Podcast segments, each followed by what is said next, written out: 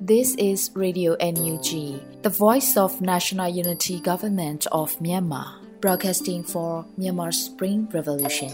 Radio NUG is transmitting from shortwave 16 meter 17.79 MHz at 8:30 a.m. and 25 meter 11.94 MHz at 8:30 p.m. Myanmar Standard Time. မင်္ဂလာပါရှင်။ မြို့သားညီညွတ်ရေးအစိုးရရဲ့အတန်လွန်ဌာန Radio NUG ကိုမနက်ပိုင်း၈နာရီခွဲမှာလိုင်းတူ16မီတာ19.89 MHz ညပိုင်း၈နာရီခွဲမှာလိုင်းတူ25မီတာ17.6 MHz တို့မှာဓာတ်ရိုက်ဖမ်းယူနိုင်စေနိုင်ပါရှင်။မင်္ဂလာအပေါင်းနဲ့ပြည့်စုံကြပါစေ။အခုချိန်ကစပြီး Radio NUG အစီအစဉ်လေးကိုဓာတ်ရိုက်အတန်လွှင့်ပေးနေပါပြီရှင်။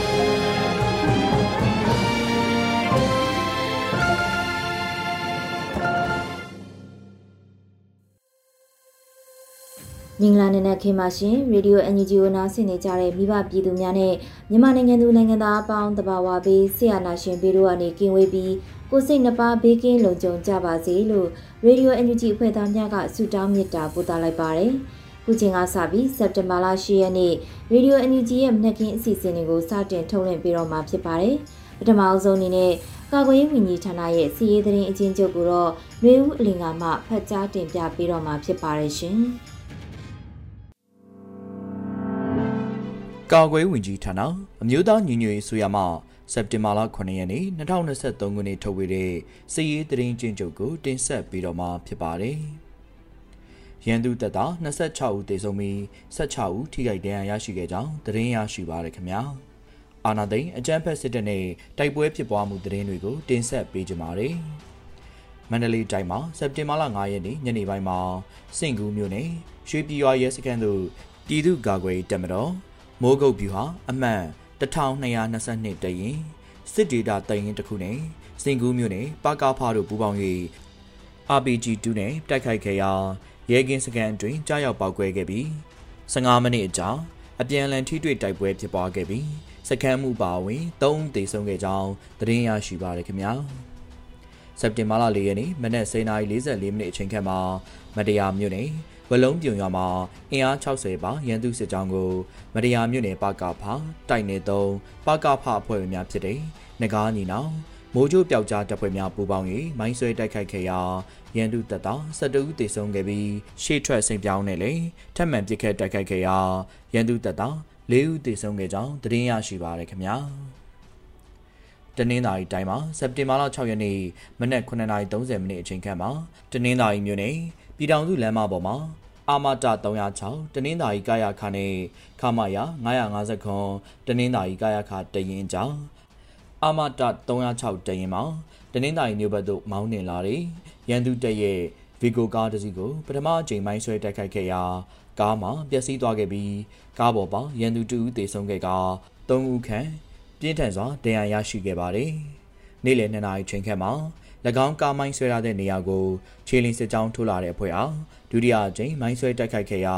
ရန်သူတပ်သား6ဦးပြင်းထန်စွာဒဏ်ရာရရှိခဲ့ပြီး3ဦးသေဆုံးခဲ့ပါတယ်။ညနေ6နာရီချိန်ခန့်မှာထိုကားမိုင်းဆွဲထားတဲ့နေရာကိုထပ်မံစစ်ကြောင်းထိုးလာခဲ့ရ၌တတိယအကြိမ်ထပ်မံမိုင်းဆွဲရေးတိုက်ခိုက်ခဲ့ရာ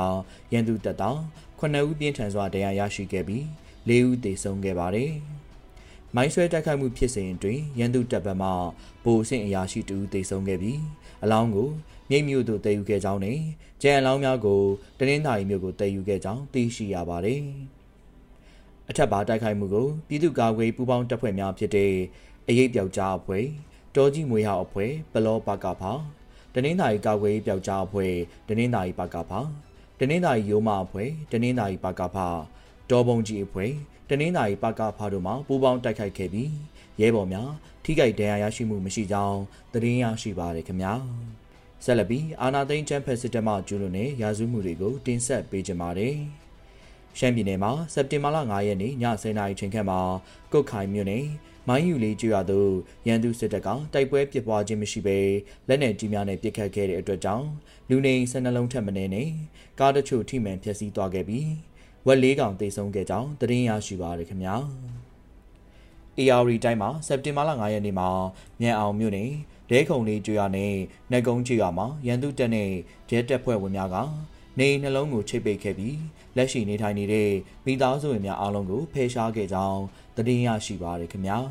ယခုတင်ဆက်သွားတဲ့သတင်းတွေကိုမြေပြင်သတင်းတာဝန်ခံများနဲ့သတင်းဌာနတွေမှာဖော်ပြလာတဲ့အချက်လက်တွေပေါ်အခြေခံပြုစုထားခြင်းဖြစ်ပါတယ်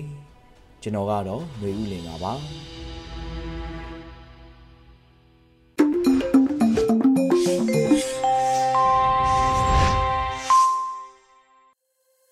ရေဒီယိုအန်ယူဂျီမှဆက်လက်အသံလွှင့်ပေးနေပါတယ်။အခုဆက်လက်ပြီးရေဒီယိုအန်ယူဂျီရဲ့ပြည်တွင်းသတင်းများကိုတော့မျိုးဦးမိုင်မှဖတ်ကြားတင်ပြပြီးတော့မှာဖြစ်ပါတယ်ရှင်။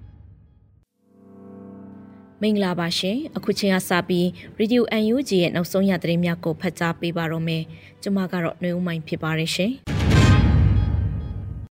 ဆရာနာရှင်စနစ်ကိုပြည်သူအားနဲ့အဆုံးသတ်ပြီးပြည်သူဓာတ်နဲ့အမြင့်ဖြစ်ရမယ်လို့ယာယီသမရပြောကြားတဲ့သတင်းကိုဥစွာတင်ပြပေးသွားပါမယ်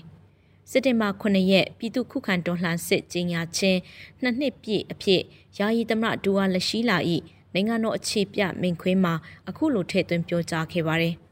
တော်လှန်ရေးအောင်ပွဲအမြန်ဆုံးရနိုင်ဖို့အတွက်ကျွန်တော်တို့ပြည်သူတွေအနေနဲ့တက်ဆွမ်းသမျှပါဝင်ကြပါငွေကြေးတက်နိုင်သူငွေကြေးငွေကြေးမတက်နိုင်သူတွေအနေနဲ့တရင်အချက်လက်ပေးပြီးကူညီတာစစ်တပ်ပိုင်စီးပွားရေးတွေကိုစန့်ကျင်တာစစ်တပ်ထုတ်ကုန်ပစ္စည်းတွေကိုအသုံးမပြုတာစသည်ဖြင့်ကိုတက်နိုင်တဲ့နီလန်းများနဲ့တော်လှန်ရေးကိုပံ့ပိုးကူညီနေကြဖို့တိုက်တွန်းလိုပါတယ်ကျွန်တော်တို့ဟာဆီအာနာရှင်စနစ်ကိုပြည်သူအားနဲ့အဆုံးသတ်ရပါလိမ့်မယ်ပြည်သူဓာတ်နဲ့အမြင့်ဖြစ်ရပါလိမ့်မယ် လဲနေလေအောင်မြင်းဆောင်မကြံပြည်သူအလုံးတတန်တင်းညီတချီတီရုံးချိန်တန်ပါပြီလို့ဆိုပါတယ်2021ခုနှစ်စက်တင်ဘာ9ရက်မှာပြည်သူ့ခုခံတော်လှန်စစ်များစတင်ဖို့အမျိုးသားရင်ငွေရေးအစိုးရဟာကြေညာခဲ့ပြီး2023ခုနှစ်ဟာတော်လှန်ရေးအဆုံးသတ်အတွက်အဆုံးအဖြစ်နှစ်အဖြစ်သတ်မှတ်ကြေညာထားပါတယ်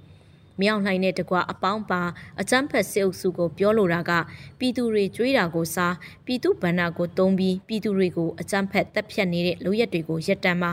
မြောင်လှိုင်းနဲ့အပေါင်းပါလူတစုရဲ့ကိုကျိုးစည်းပွားကိုကာကွယ်ပြီးပြည်သူလူထုရဲ့အသက်အိုးအိမ်စီးစိမ်ကိုချင်းချောက်ဖျက်ဆီးနေကြတဲ့စစ်ကောင်စီတပ်သားတွေအနေနဲ့လဲစစ်အုပ်စုရဲ့လက်ကင်တော့အဖြစ်မခံဘဲအခြေအနေမှန်ကိုလက်တွေ့ကြကြရှုမြင်ကအချမ်းပတ်စစ်တပ်ကိုစွန့်ခွာကြပါပြည်သူထံမှအလင်းဝင်ပြီးတော့ အမှန်တရားဘက်မှာဂုံတိတ်ခါရှိစွာယက်တီကြပါတိုင်းပြည်ရဲ့အာဏာဟာပြည်သူထံကသာဆင့်သက်တာဖြစ်ပါတယ်လို့ယာယီသမရကထပ်လောင်းဆိုပါတယ်ရှင်ဆက်လက်ပြီးစစ်အာဏာရှင်တွေကြောင့်မြန်မာနိုင်ငံဟာကမ္ဘာအလဲတွင်အကြမ်းဖက်စစ်အာဏာသိမ်းတိုင်းပြည်ဆိုသောနာမည်ဆိုးဖြစ်ယက်တီနေရတယ်လို့ဝန်ကြီးချုပ်ဆိုတဲ့တဲ့စက်တင်ဘာ9ရက်မှာပြုလုပ်တဲ့ဂျာကာလဒေသန္တရပြည်သူ့ချုပ်ရေးဖော်ဆောင်မှုဗဟိုကော်မတီအစည်းအဝေး အမှတ်စဉ်36မြင်းဆောင်2023ကျင်းပရာမှာပြည်အောင်စုဝန်ကြီးချုပ်မန်းဝင်းခိုင်တန်းကအခုလိုပြောပါရယ်ပြည်သူတရက်လုံး၏တော်လှန်ရေးသည်အတိုင်းအတာတစ်ခုထိအောင်မြင်မှုများစွာဖြင့်ခရီးပေါက်ခဲ့ပြီးဖြစ်ကြောင်းသို့သောစစ်အာဏာရှင်၏အသိဉာဏ်နှုံနှဲမှုနှင့်အတ္တကြီးမားမှုများကလူထုအားနေစဉ်စိတ်မလုံးချုံမှုနဲ့စီးပွားအခြေအနေဆိုးများကိုဖြစ်ပေါ်စေပြီးတိုင်းပြည်မှာလည်းကမ္ဘာအလဲတွင် အကြမ်းဖက်စစ်အာဏာသိမ်းတိုင်းပြည်ဆိုသော နာမည်ဆိုးဖြင့်ယက်တည်နေရကြောင်းတော်လှန်ရေးအောင်မြင်ပြီးလင်ပင်တကြော့ပြန်ခေါင်းထောင်နိုင်ရန်အတော်စ조사ရမည်ဖြစ်သောကြောင့်လူထုနှင့်အတူတိုက်ပွဲဝင်နေသောမိမိတို့အစိုးရအနေဖြင့်စီမံဆောင်ရွက်ဖွဲ့ကိစ္စများနဲ့ပြင်ဆင်စရာရှိသည်များကိုမြန်မြန်ဆန်ဆန်ထိထိရောက်ရောက်လှုပ်ဆောင်သွားကြရန်ဝန်ကြီးချုပ်ကဆိုပါတယ်အစည်းအဝေးသို့ပြည်ထောင်စုဝန်ကြီးချုပ်မန်ဝင်းခိုင်တမ်းမှဦးဆောင်ကပြည်ထောင်စုဝန်ကြီးများဒုတိယဝန်ကြီးများအမြဲတမ်းအတွင်းဝင်များ တွဲဖက်အမြဲတမ်းအတွင်းဝင်များဌာနဆိုင်ရာများမှတာဝန်ရှိသူများတက်ရောက်ခဲ့ကြပါတယ်ရှင်။နှစ်နှစ်တာကာလအတွင်းတွင်ရန်သူအင်အားစစ်နှစ်ဒသမ900ခိုင်နှုန်းစစ်မြေပြင်တွင်ပြုံးတိခဲ့ပြီးဖြစ်ကြောင်းကာကွယ်ဝင်ကြီးဌာနထုတ်ပြန်တဲ့သတင်းကိုဆက်လက်တင်ပြပါမယ်။နှစ်နှစ်တာကာလအတွင်းတွင် ရန်သူအင်အား12.500ခိုင်နှုန်းစစ်မြေပြင်တွင်ပြုံးတိခဲ့ပြီးဖြစ်ကြောင်းကာကွယ်ဝင်ကြီးဌာနမှစက်တင်ဘာ9ရက်နေ့ပြည်သူ့ခုခံတွန်းလှန်စစ်နှစ်နှစ်ပြည့်အစည်းအဝေးစာထုတ်ပြန်ရမှာဖော်ပြထားပါတယ်။အကြမ်းဖက်စစ်တပ်၏ကြီးတပ်တွင်ချင်းလင်တက်ရင်214ရင်းနဲ့ချင်းမြန်တက်ရင်309ရင်းရှိ၍အ धिक မြေပြင်တိုက်ခိုက်ရင်အင်အား6500ခန့်ရှိမည်ဟုခန့်မှန်းရကြောင်းဖော်ပြပါရယ်။လေတက်ရေတက်နဲ့လက်ယုံတက်များအပါဝင်စစ်တပ်အင်အားမှာ စုစုပေါင်း2သိန်း2500 2သိန်း4000ခန့်ရှိနိုင်ပြီးခုခံတွန်းလှန်စစ်နှစ်နှစ်တာကာလအတွင်းတိုက်ပွဲကြိမ်ရေ9900ခန့်ဖြစ်ပွားခဲ့ပြီးရန်သူတပ်သား3000ခန့်ချေမှုန်းနိုင်ခဲ့ပါတယ်။စစ်ကောင်စီအင်အားခြေနေကိုတုံးသက်ပါက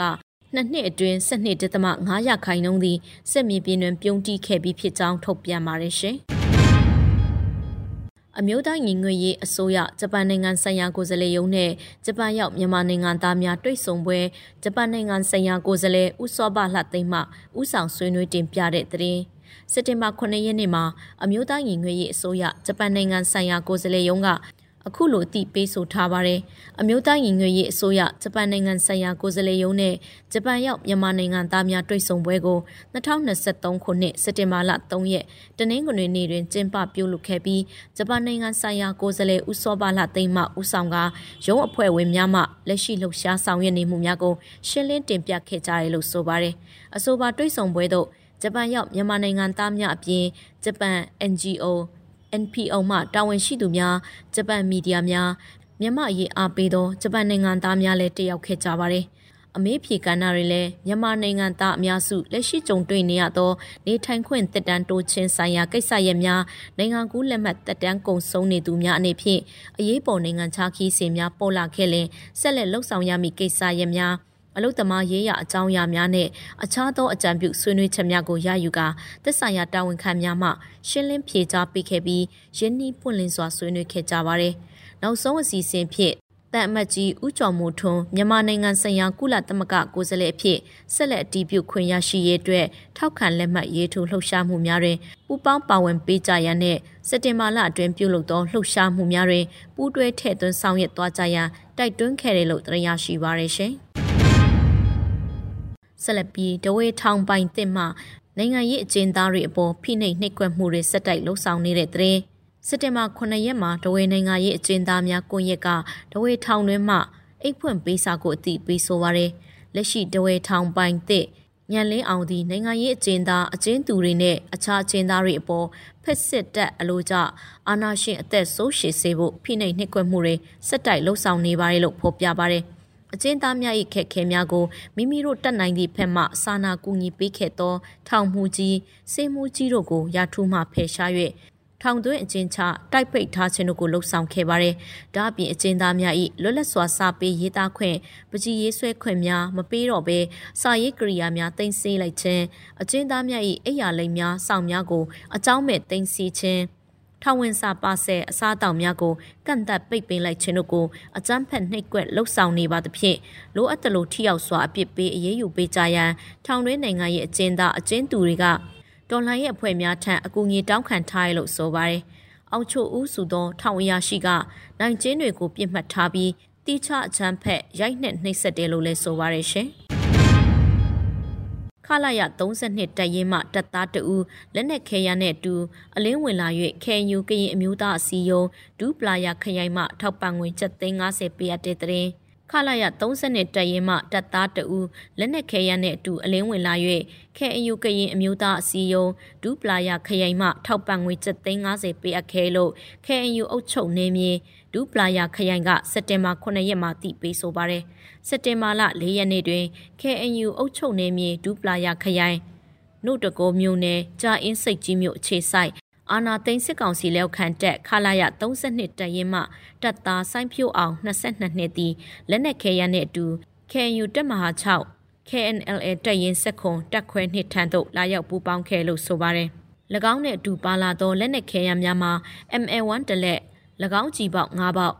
5.56 G တောင်း85တောင်းနဲ့ equipment တစုံတို့ဖြစ်ပါတယ်။အာနာသိန်းစစ်ကောင်စီတပ်၏မတရားဖိနှိပ်အုပ်ချုပ်မှုစနစ်အားမနှစ်သက်သဖြင့်၎င်း၏တပ်မှစ조사ရုံထွက်လွတ်မြောက်ကနှွေးထွေးသောပြည်သူရင်ခွင်တို့ခိုလုံပြီးစစ်အာဏာရှင်စနစ်ခြုံငိမ့်သွားသည့်အထိဒိုင်းသားလက်နက်ကင်တော်လှန်ရေးသမားများနဲ့အတူပူးပေါင်းပါဝင်ကူညီသွားမည်ဖြစ်ကြောင်းသိရပါတယ်။ ခင်ယူကရင်အမျိုးသားအစည်းအရုံးထံသို့လက်နက်ခဲယမ်းများနဲ့အတူလာရောက်ပူးပေါင်းလာသောအာနာသိန်းစစ်ကောင်စီလက်အောက်ခံတပ်ခလာရ32တပ်ရင်းမှတပ်သားဆိုင်ဖြိုးအောင်22နှစ်သည်လဲ KNU ကရင်အမျိုးသားအစည်းအရုံးဒူပလာယာခရိုင်မှ ထောက်ပံ့ငွေအဖြစ်မြန်မာငွေ350ကျပ်တီတီကူညီထောက်ပံ့ခဲ့ပါရရှင်။ ဒေါ်လာရေရုပ်ရှင်ဇာတ်ကားများကိုထိုင်းနိုင်ငံဘန်ကောက်မှာစက်တင်ဘာ18ရက်အခမဲ့ပြသမယ့်တဲ့ရင်ကိုနောက်ဆုံးတင်ပြပေးပါမယ်။မပြီးသေးဘူးငါတို့အလှည့်ကြံသေးတဲ့ရုပ်ရှင်ပြသရေးဖွဲ့မှဒေါ်လာရေရုပ်ရှင်ဇာတ်ကားများကိုစက်တင်ဘာလ18ရက်နေ့မှာထိုင်းနိုင်ငံဘန်ကောက်မှာအခမဲ့ပြသသွားမယ်လို့အသိပေးဆိုထားပါတယ်။မဟာချိုင်မှာပြတ်တသလိုမျိုးလေးကြည့်ချင်ပါတယ်လို့တောင်းဆိုထားကြတဲ့ဖက်ပတဲတခွင်ကညီကိုမောင်မတို့အတွက်ຫນွေဦးရံပုံငွေရုပ်ရှင်ပြပွဲလာပါပြီ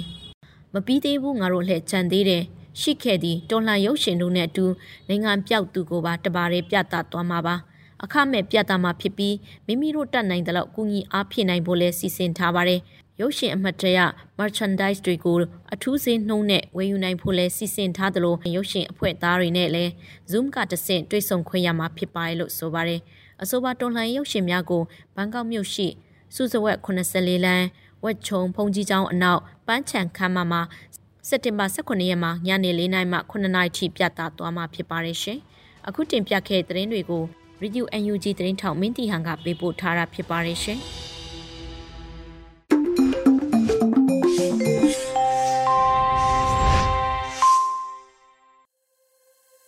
ရေဒီယို NUG ဝန်သားစီနေတဲ့မိဘပြည်သူများရှင်အခုဆက်လက်ပြီးကာကွယ်ရေးဝန်ကြီးဌာနပြည်ထောင်စုဝန်ကြီးဦးရင်မွန်ရဲ့ PDF ရဲဘော်များတို့ပြောကြားချက်အပိုင်း14ကိုထုတ်လွှင့်ပေးလိုက်ပါတယ်ရှင်ရဲဘော်တို့လူသမိုင်းတစ်လျှောက်မင်းဆိုမင်းကြီးတွေကိုတွန်းလှန်ဖယ်ရှားဖို့ကြိုးပမ်းရတဲ့လူအဖွဲ့အစည်းတွေမှာလူငယ်တွေဟာရှေ့တန်းကပါဝင်လေးရှိကြတယ် ကိုခေကိုမျိုးဆက်ရဲ့ပခုံးပေါ်ရောက်ရှိလာတဲ့သမိုင်းမေးတာဝန်ကိုထမ်းဆောင်ဖို့လူငယ်တွေဟာဘယ်တော့မှပြက်ကွက်လိမရှိကြဘူးလူငယ်တွေဟာသမိုင်းသစ်ကိုဖန်တီးသူတွေဖြစ်တယ်ဒီကနေ့ကြာရောက်တဲ့ပြည်သူခုခံတွန်းလှန်စစ်နှစ်နှစ်ပြည့်နေ့မှာစစ်ကြုံဘွားကလွတ်မြောက်ရေးခေတ်ဆက်ဆက်ကြိုးပမ်းခဲ့ကြတဲ့လူငယ်မျိုးဆက်တွေကိုဂုဏ်ပြုဥညွတ်လိုက်ပါတယ်မြမစစ်အုပ်စုရဲ့အာဏာလောဘကိုကြိုးစည်းပွားလောဘဟာ တိုင်းပြည်ကိုဖျက်ဆီးပစ်ခဲ့တယ်လူငယ်တွေဟာအနာဂတ်ပျောက်ခဲ့ရတယ်စစ်ကြုံဘဝဆိုတာအင်မတန်လူဖြစ်ရှုံးတယ်စစ်ဖနာအောင်မှာလူဂုံတိတ်ခါကင်းမဲ့ခဲ့ရတယ်လူဖြစ်ရှုံးတဲ့ဘဝမှာဒူးထောင်ညံ့ခံပြီးနေသာသလိုနေမလားဆုံးရှုံးနေတဲ့လူဂုံတိတ်ခါကိုပြန်ရအောင်တိုက်ယူမလားလူငယ်တွေရွေးချယ်ကြရတယ်တိမ့်တန်းချီတဲ့မြန်မာလူငယ်တွေဟာ ဒုတိယလမ်းကိုရွေးခဲ့ကြတယ်လူငယ်တွေရဲ့ဥဆောင်ပါဝင်မှုနဲ့ပြည်သူ့ကာကွယ်ရေးတပ်မတော်ကိုထူထောင်ခဲ့ကြတယ်လက်နက်အားကိုးနဲ့ပြည်သူအပေါ်စစ်ကြုံပြုနေသူတွေကိုလက်နက်ကင်တွန်းလှန်ဖယ်ရှားပစ်ဖို့မှတပါလူငယ်တွေမှာတခြားရွေးချယ်စရာမရှိခဲ့ဘူးပြည်သူခုခံတွန်းလှန်စစ်နှစ်နှစ်ပြည့်ချိန်မှာတော်လန်ရေးဟာအလှည့်ပြောင်းတစ်ခုစီရောက်ရှိခဲ့ပြီလို့ဆိုနိုင်တယ်နိုင်ငံရေးစစ်ရေးစစ်မျက်နှာတိုင်းမှာ တော်လိုင်းအင်အားစုတွေကအပေါ်စီးစစ်အုပ်စုကအောက်စီးဖြစ်ခဲ့ပြီဆိုတာမြင်လာတယ်ဒီအချိန်တွေနဲ့ပတ်သက်လို့ပြည်သူခုခံတွန်းလှန်စစ်နှစ်နှစ်ပြည့်အစဉ်ခံစားကိုလည်းကာဝေးဝန်ကြီးဌာနကထုတ်ပြန်ထားပြီးဖြစ်တယ်ဒီအချိန်မှာအဆုံးသတ်တိုက်ပွဲကိုငါတို့ဘယ်လိုဆင်နွှဲကြမလဲအပြည့်သက်အောင်ပွဲကိုငါတို့ဘယ်လိုရယူကြမလဲဆိုတာစဉ်းစားပြင်ဆင်ဖို့အချိန်ရောက်ပြီလို့ငါတို့နားလည်တယ်အရေးကြီးဆုံးက COC အောက်ရောက်ပြီးသားတပ်ဖွဲ့တွေရဲ့တိုက်စွမ်းရည်ကိုငါတို့မြင့်တင်ရရလိမ့်မယ်ဒီအတွက်တန်ရင်တပ်ဖွဲ့စစ်ကြောင်းနဲ့ဗျူဟာတွေရဲ့စုဖွဲ့မှုပိုကောင်းရလိမ့်မယ်လေ့ကျင့်မှုပိုကောင်းရလိမ့်မယ်အမိန်ပေးမိန်နာခံမှုပိုကောင်းရလိမ့်မယ်လက်နက်နဲ့ဗျူဟာပိုကောင်းရလိမ့်မယ်အရင်ကံကတော့ရဲဘော်တူးချင်းရဲ့စိတ်ဓာတ်ခိုင်မာမှုပဲတော်လန်ရေးပေါ် စုံစုံဖြတ်ဖြတ်ရှိပြီးတော်လန်ရေးမအောင်မချင်းငါပါဝင်မယ်ငါလုံနိုင်တာလုံမယ်ဆိုတဲ့တန်ဋိဌာန်ခိုင်တဲ့ခိုင်အောင်ချကြရလိမ့်မယ်ရဲဘော်တို့ဟာအောင်ပွဲနဲ့ထိုက်တန်သူတွေဖြစ်တယ်ဆိုတာရဲဘော်တို့ရဲ့သက်စွန်ကြိုးပမ်းမှုတွေကသက်သေခံပြီးဖြစ်တယ်ပြည်သူတော်လှန်ရေးမုတ်ချအောင်ရမယ်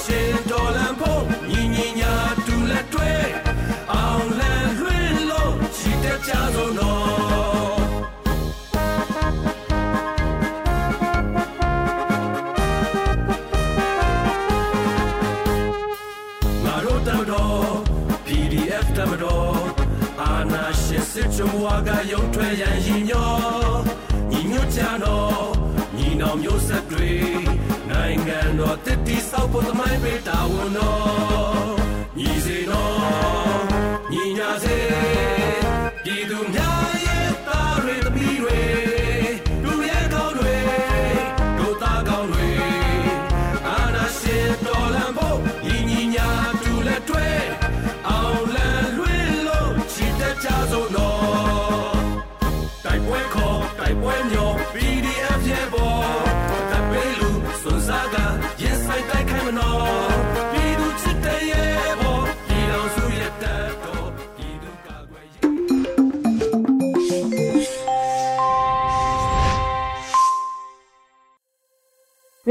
ဒီယိုအန်ယူဂျီမှဆက်လက်အတန်လွှင့်ပေးနေပါတယ်။အခုတစ်ခါမှာတော့ကဘာတိုင်ဆုံးမောင်စင်မုံရေးသားထားပြီးလွတ်လပ်နေဦးခန်းစားရွတ်ဆိုထားတဲ့လူဘာလမအားလကိုဖျောင်းတိုင်းပြည်ထောင်ကြဆိုလို့အမည်ရတဲ့တော်လန်အက်ဆီတစ်ပုဒ်ကိုနားဆင်ရမှာဖြစ်ပါတယ်ရှင်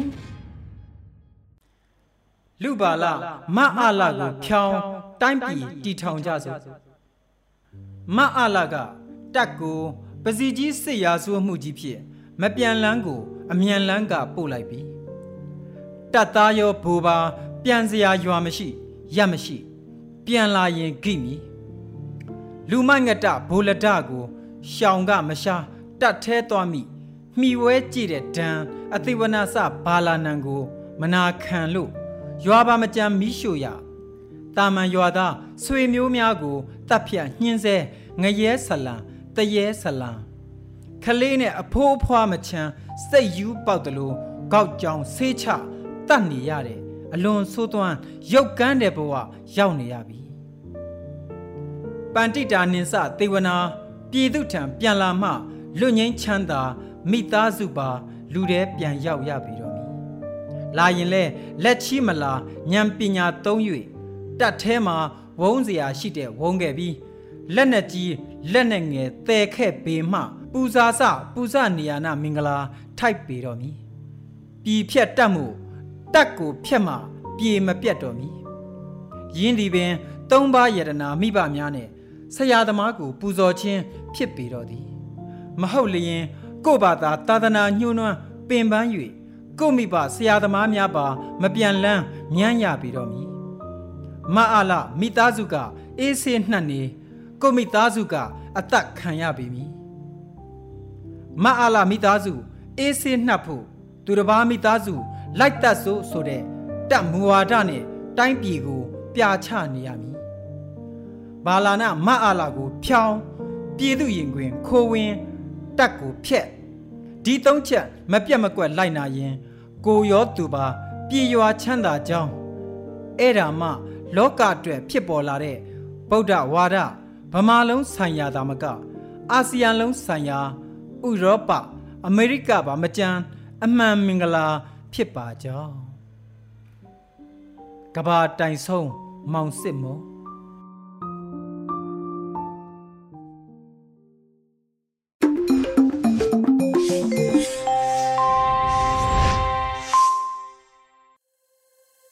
ရေဒီယို NUG ရဲ့ဒီကနေ့နောက်ဆုံးအစီအစဉ်အနေနဲ့ PPTV ရဲ့နေ့စဉ်သတင်းများကိုတော့ Rain မှတင်ပြပေးတော့မှာဖြစ်ပါတယ်ရှင်။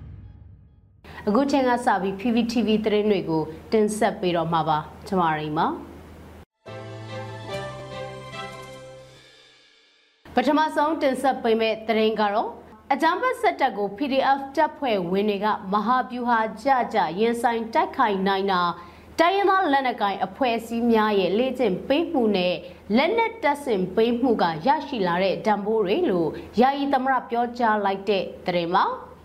အကြံဖတ်စစ်တပ်ကိုပြည်သူ့ကာကွယ်ရေးတပ်ဖွဲ့ဝင်တွေမဟာဗျူဟာကြကြရင်ဆိုင်တိုက်ခိုက်နိုင်တာတိုင်းရင်းသားလက်နက်ကိုင်အဖွဲ့အစည်းများရဲ့လေ့ကျင့်ပေးမှုနဲ့လက်နက်တပ်ဆင်ပေးမှုကရရှိလာတဲ့ဒံဘိုးတွေလို့ယာယီသမရဒူဝလာရှိလာကဒီနေ့ပြောကြားတဲ့နိုင်ငံတော်အခြေပြမိန့်ခွန်းမှာထည့်သွင်းပြောကြားလိုက်ပါတယ်။ကျွန်တော်တို့ရဲ့ပြည်သူ့ခုခံတွန်းလှန်မှုခိုင်ခိုင်မာမာနဲ့ရှင်သန်နေပြီးအောင်မြင်မှုတွေရယူနိုင်တာဟာ တိုင်းရင်းသားလက်နက်ကိုင်အဖွဲ့အစည်းများရဲ့စစ်ရေးနိုင်ငံရေးအဘက်ဘက်ကနေလက်တွဲကူညီမှုပူးပေါင်းဆောင်ရွက်မှု အတွေ့အကြုံနဲ့စွမ်းရည်များပံ့ပိုးဝေမျှမှုတွေက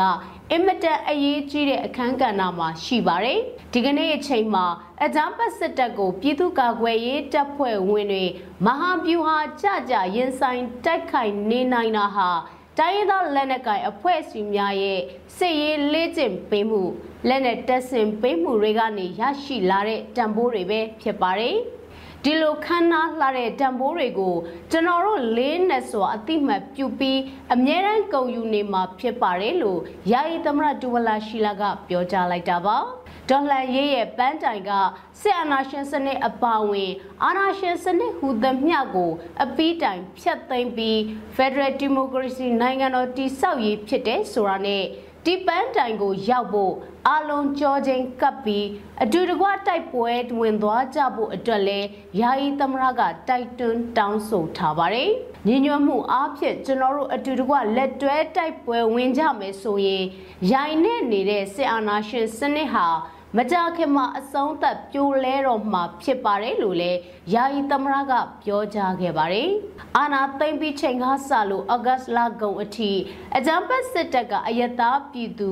4023ဦးကိုတပ်ဖြတ်ခဲ့တယ်လို့လေကြောင်းတိုက်ခိုက်မှုပေါင်း1400ကျော်ကျူးလွန်တိုက်ခိုက်ထားပြီးဖြစ်တယ်လို့ထည့်သွင်းပြောကြားခဲ့ပါတယ်။နိုင်ငံတကာအနေနဲ့ မြန်မာပြည်သူလူထုကိုအမှန်တကယ်ကူညီခြင်းနဲ့ဆိုရင်နှွေဦးတော်လှန်ရေးအမြန်အောင်မြင်ဖို့အတွက်ထောက်ကူကြဖို့အတွက်လည်းအလေးအနက်ထားတောင်းဆိုခဲ့ပါတယ်။ဒါပြင်နိုင်ငံတကာအစိုးရတွေအနေနဲ့အကြမ်းဖက်စစ်ကောင်စီကိုအတိမတ်မပြုတ်ပဲဆက်လက်ဖယ်ကျင်ထားပြီးစစ်အာဏာရှင်တွေအတွက်နေရာမရှိဘူးဆိုတာသက်သေပြကြဖို့ယာယီသမရကပြောကြားခဲ့ပါတယ်။